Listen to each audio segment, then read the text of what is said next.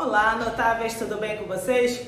Olha, hoje nós vamos falar de um dos assuntos que eu mais gosto e eu prometo que eu vou tentar ser bem sucinta, até porque o objetivo deste, desta nossa maratona não é eu dar literalmente um curso para vocês Porém, eu já vou aqui dizer para vocês que em janeiro, tá? Vou dar um spoiler para vocês. Em janeiro, nós teremos é, a nossa formação em mentoring de liderança, leader training, tá ok? Então fica aqui o spoiler. E sim, é, me perdoe, mas vai ser um evento extremamente reduzido, tá? Nós queremos fazer um evento literalmente pequeno, possivelmente com no máximo 12 pessoas. Queremos fazer um evento presencial é, aqui no Rio de Janeiro, na Barra da Tijuca, e também faremos posteriormente online. Então, a priori, tá? A priori, é, serão apenas 12 vagas, que na verdade 10, duas já foram preenchidas. E se você quiser mais informações,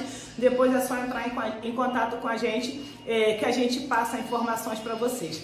Por que, que eu estou falando disso? Leader Training, liderança.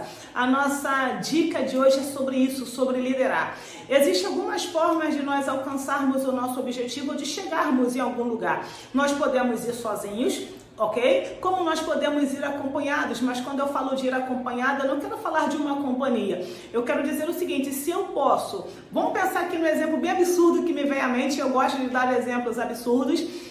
Vamos pensar que eu quero levantar um carro. Caramba, eu sozinha jamais conseguiria. Agora, se eu tiver um grupo comigo, olha, um grupo comigo, com certeza absoluta eu vou conseguir é, é, levantar esse carro. Porque eu sozinha não sei quanto, quanto pesa, quantas toneladas, né, digamos assim, pesa um carro, mas vamos pensar hipoteticamente é, uma tonelada, não sei. Enfim, é, não sei quanto pesa, tô pensando aqui realmente alto com vocês. Mas só para ficar fácil a conta aqui para mim, tá? Para eu me ajudar agora, vamos pensar que um carro pesa 100 quilos, porque eu acho que uma tonelada deve ser um caminhão, né? Mas vamos pensar que um carro é, pesa 100 quilos, tá ok?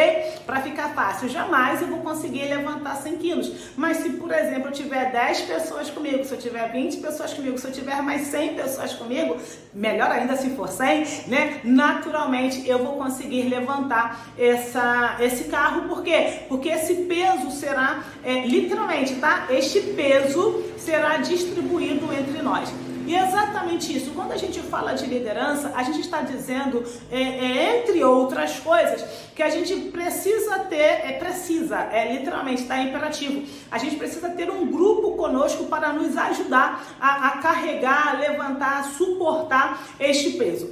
Mas existe o, o que, que é liderar, o que, que é liderança? Existe um, um, um conceito que eu gosto muito, que diz o seguinte: liderar é levar um grupo levar uma pessoa ou um grupo a um lugar aonde eu ou este grupo sozinha, sozinhos não podíamos ir. Então, quando a gente fala de, de liderança, está, eu estou falando exatamente disso.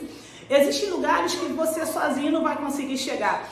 Existem lugares que o seu grupo sozinho não vai conseguir chegar, mas vocês juntos conseguirão chegar. Então, para que você tenha um negócio de fato altamente produtivo, altamente rentável, altamente lucrativo. Vou até mudar a expressão aqui porque rentabilidade está falando de lucratividade, mas se você quer ter um negócio altamente lucrativo, você vai precisar liderar. Liderar o seu grupo, liderar o seu negócio, liderar as ações de ambos. Então, se você quer ter um negócio altamente lucrativo e rentável, comece ou aprenda a liderar. E se você não sabe ou se precisa de ferramentas para muito mais do que ser um coach, de liderança, você ser um mentor de liderança e quem sabe, né, que é a minha proposta, te transformar num líder training, ou seja, num mentor de líderes, você poderá nos procurar posteriormente para buscar informações sobre essa nossa imersão